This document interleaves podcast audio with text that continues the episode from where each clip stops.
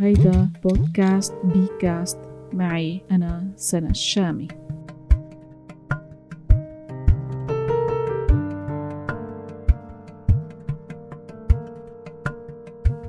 برأيكم وين كنا قبل ما نولد؟ هل بدأت حياتنا من لحظة تكوننا بأرحام أمهاتنا؟ أم كنا بعالم آخر وانتقلنا لهيدا العالم عبر هالرحم؟ هل ولادتنا بهيدا العالم هو موت إلنا بعالم آخر؟ وهل موتنا على هاي الأرض هو ولادة بعالم آخر؟ هيدا السؤال بيحتاج لتأمل كبير لمحاولة فهم مغزى حياتنا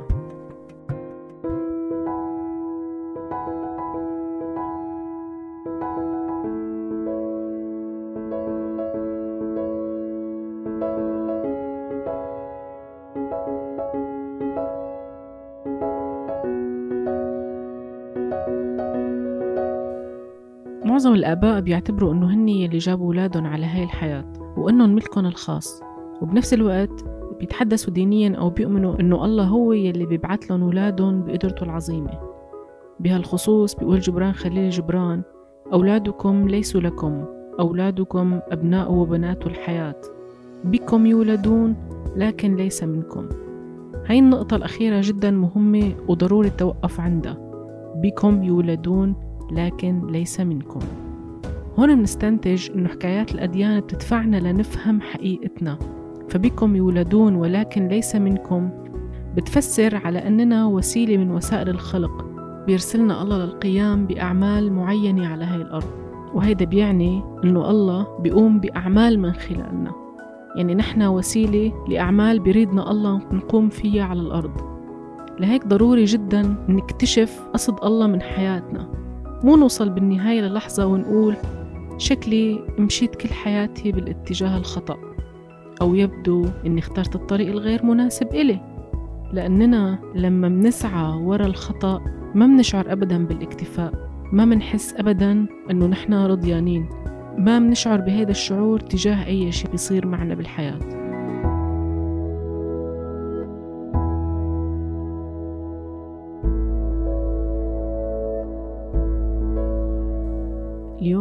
منشوف الناس معظم الناس بسعي دائم لتلبية حاجات غالبا غالبا ما رح تجيب للسعادة معه. منضل سنين طويلة بدوامة اللو.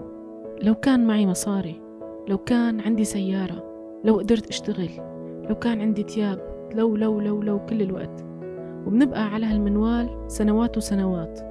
ويمكن هاي السنوات تتخطى العشرين سنة ونحن على هالحالة. وهون برأيكم من الضروري نوقف لحظة ونسأل حالنا ليش؟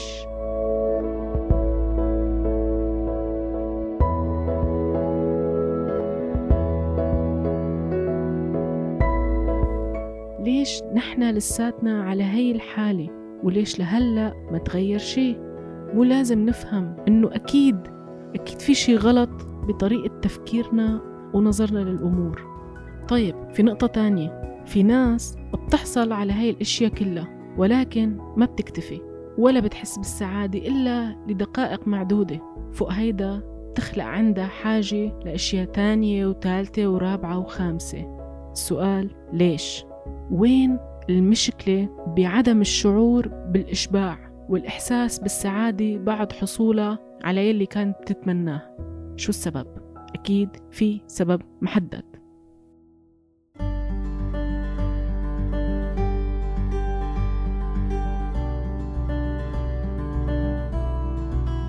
شي جواتنا بيعيش معنا من دون ما ننتبه له اسمه الأنا. بيتحكم فينا وبيسرسر براسنا كل الوقت. بيطلب وبيطلب وبيطلب وما بيشبع. وله طرق مختلفة ليثبت جذوره بحياتنا ويقودها. ويخلينا نعتقد إنه نحن يلي عم نتحكم وندير حياتنا. هل أنا أو الإيجو بيعيش من خلال ما يسمى التماهي مع الأشياء.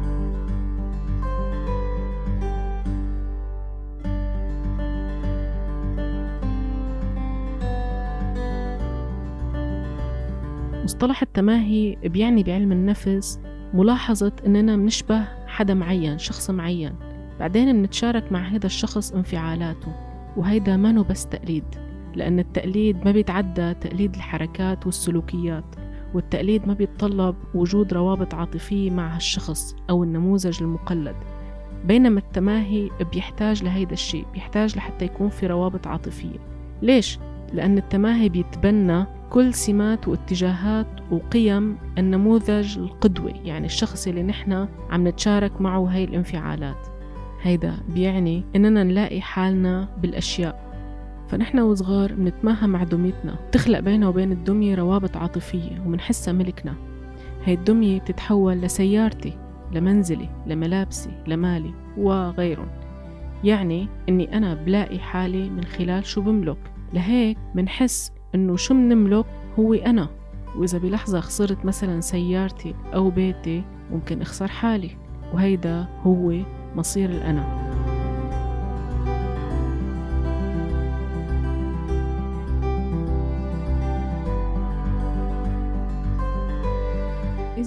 مصطلح التماهي اللي حكينا عنه أو خلينا نقول التماثل يعني نحن بنكون نحن والشي بنعتبر حالنا واحد. يعني نحن والغرض بنعتبر حالنا واحد مثل الموبايل. هالأيام ما حدا فيه يستغني عن موبايله. ولاحظوا مثلا إذا بدك تساعد حدا بموبايله بتقول له بس لحظة لحتى بس شوف لك إياها. فبضل متمسك بموبايله وكأنك عم تحاول تاخذ قطعة منه هو ما بده يستغنى عنها. وأنت كل همك إنك تساعده بالمشكلة الموجودة بالموبايل.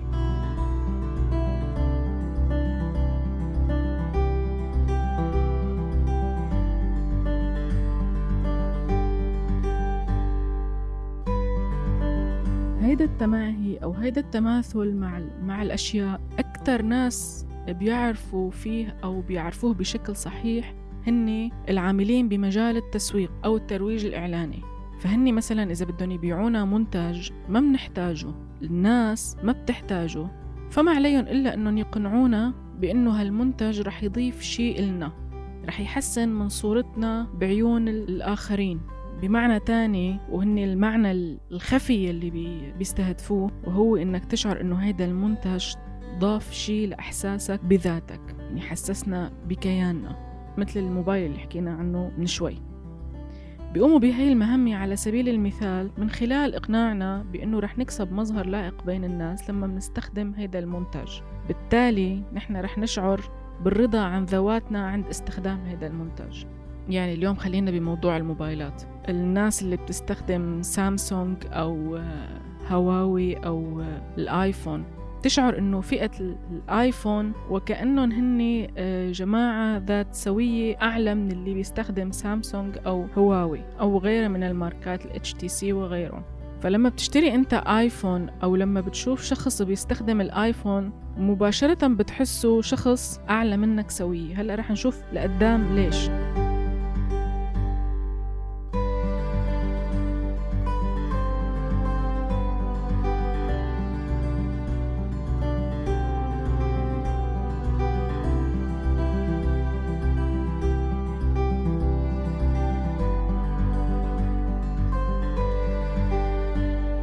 إذا قلنا إنه نحن نشعر بالرضا عن استخدامنا هذا المنتج يلي هن طرحوا لنا إياه ممكن نحن ما نكون بحاجته.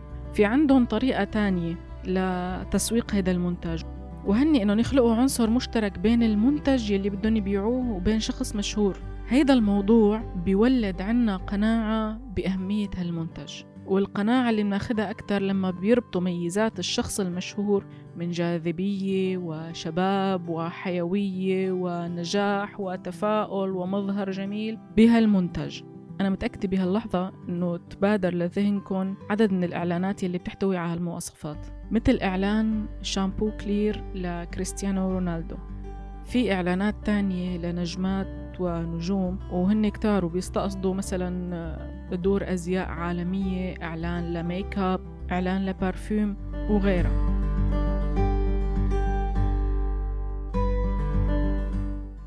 هلأ شو الفرضية اللي انخلقت هون؟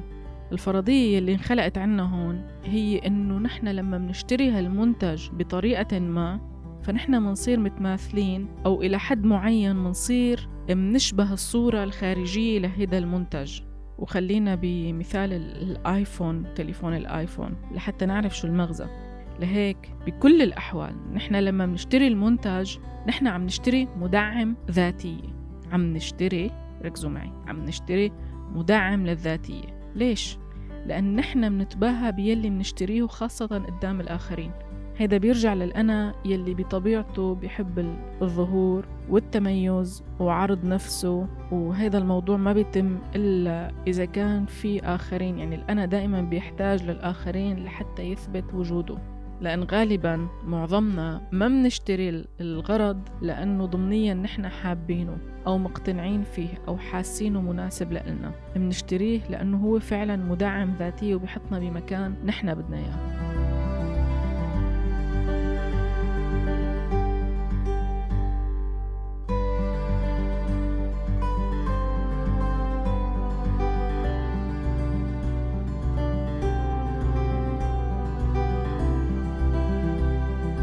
بهاي الأيام صار في ذاتيات جماعية كيف يعني؟ مثلا كنا عم نحكي عن الآيفون لما أنا بشتري ماركة الآيفون فأنا بعتبر حالي انضميت لجماعة محددة مقتصر علي الشراء يعني ما أي حدا فيه يشتري الآيفون. ليش؟ بجوز لأنه سعرها غالي وبهي الحالة بنكون نحن اشترينا ذاتية هالمجموعة. وبالطبع بهاي الأيام صار عند المجتمع اللي بيشتروا الآيفون هني ناس هيك واللي بيشتروا السامسونج هني ناس هيك. فنحن اشترينا ذاتية هاي المجموعة التي تنتمي إلى الآيفون. لكن تعال نشوفها من زاوية تانية. إذا قدر كل شخص يشتري ماركة الآيفون فماركة الآيفون رح تفقد قيمتها النفسية يلي رافعت لها مكانتها. وما رح يبقى إلا قيمتها المادية يلي ممكن نقدرها بجزء بسيط من يلي دفعناه معظمنا معظمنا تقريبا يعني 99% منوقع ضحية هاي النقطة المخفية. مثلا منفوت على محل تياب لماركة معينة. مننصدم آه، بسعر البلوزة. بس لأنها ماركة كذا نحن مستعدين ندفع فيها الرقم يلي هن طالبينه. نفس الشيء عند موبايل آيفون. يعني اليوم إذا بنشوف ميزات بالسامسونج أو ميزات بالهواوي بكتير أماكن عم تتفوق على الآيفون. ولكن نحن عنا هيدا آيفون. تخيلوا إذا إجا حدا وشال اسم الماركة عن موبايل الآيفون أو قطعة التياب اللي نحن شفناها. برأيكم ما رح نحس إنها صارت بلا قيمة؟ وما بتستاهل كل هيدا الرقم اللي اندفع فيها؟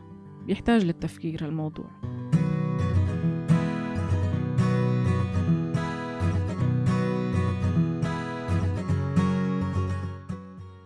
طبعا بتختلف نوعية الأشياء اللي بنتماهى معها من شخص للتاني بحسب العمر والجنس والاقتصاد الطبقة الاجتماعية والموضة والثقافة المحيطة وغيرها.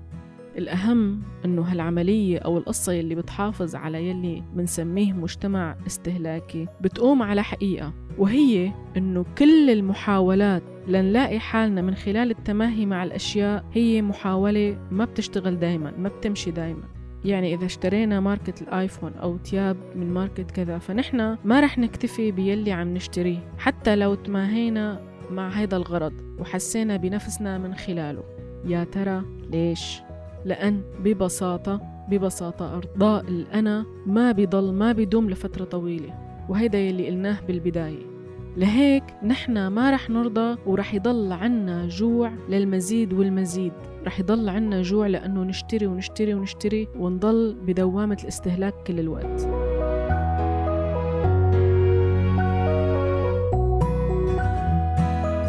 اليوم على سبيل المثال صفحات الفيسبوك مليانة بإعلانات لمحلات تجارية مثل التياب والأحذية وغيرها. الغريب إنه انتشارها بالوسط خلينا نقول بين فئة النساء مثل انتشار النار بالهشيم. وببعض المراقبة رح نلاحظ إنه حاجة الإناث مستمرة ليشتروا طالما إنه هاي الصفحة عم تنزل وتعرض منتجات جديدة. يعني انتبهوا خلال القعدة مع مجموعة بنات. شفتي هيدا المحل الفلاني شو نزل اليوم؟ عبالي اشتري. بيرجع عشية بينزل الموقع نفسه قطعة جديدة فكمان بتشوف انخلقت عندها حاجة لحتى تشتري كمان هاي القطعة وهيك بنضل كل الوقت بحاجة إلى المزيد والمزيد ما بيعجبنا الأول بصير بدنا اللي بعده واللي بعده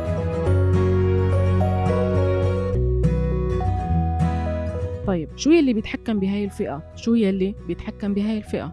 من خلال حديثنا السابق بنكتشف إنه هيدا الأنا يلي ما بيلحق يتماهى مع الشي حتى يمل منه ويحط عينه على شي تاني. هالنقطة أو هالموضوع بينطبق على كل حاجاتنا بالحياة من حاجات مادية ومعنوية.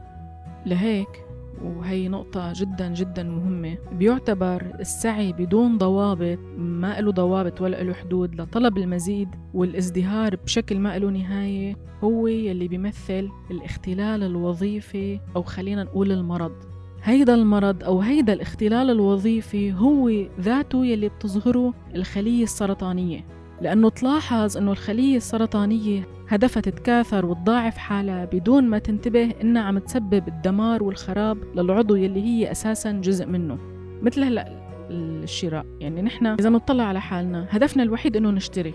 ليش عم نشتري؟ شو السبب من الشراء؟ ما بنعرف. المهم نحن بدنا دائما نضل بحالة استهلاك وشراء استهلاك وشراء كل الوقت. بدون ما ننتبه إنه نحن هل بحاجة هيدا الشيء آه، هل هو ضروري بحياتي؟ هل أنا عم أخسر مالي أو في ناس بتتدين لحتى تجيب ولحتى تضل تستهلك كل الوقت؟ هيدا الموضوع هيدا الفعل هو التكاثر بيشبه مثل ما قلنا الخلية السرطانية ولازم ننتبه منه جداً.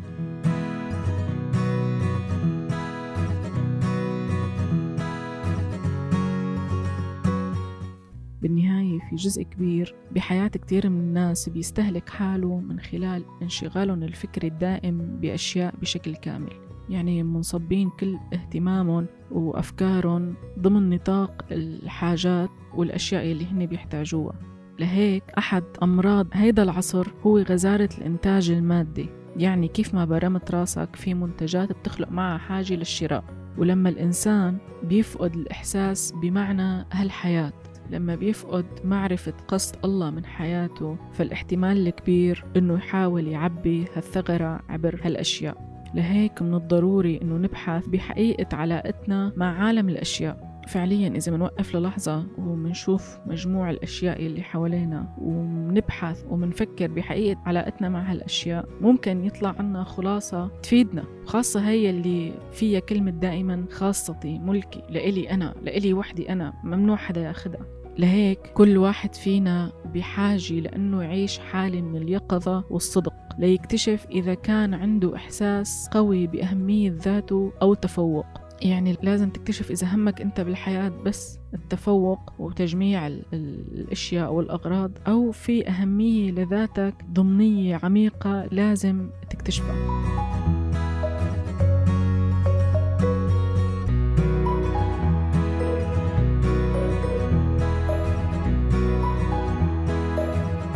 هلا في مجموعة من الأسئلة رح أطرحها وضروري نقعد مع حالنا ونجاوب عليها. الأول هل فقدانك للأشياء أو للأغراض اللي أنت بتمتلكها بخليك تحس بالدونية قدام الناس يلي ممكن يكونوا بيملكوا أكثر منك؟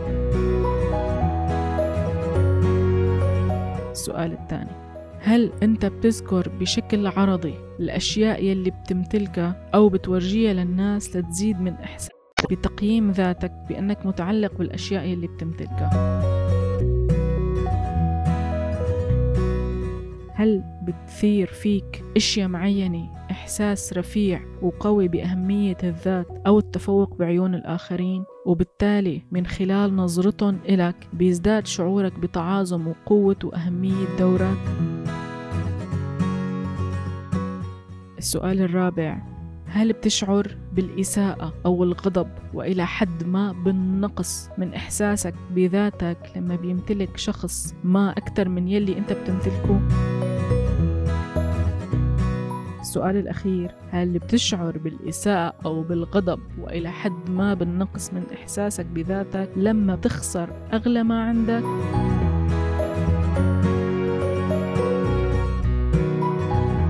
خلينا نركز بهي الأسئلة ونحاول نجاوب عنها ونلتقي بالحلقة القادمة. إلى اللقاء.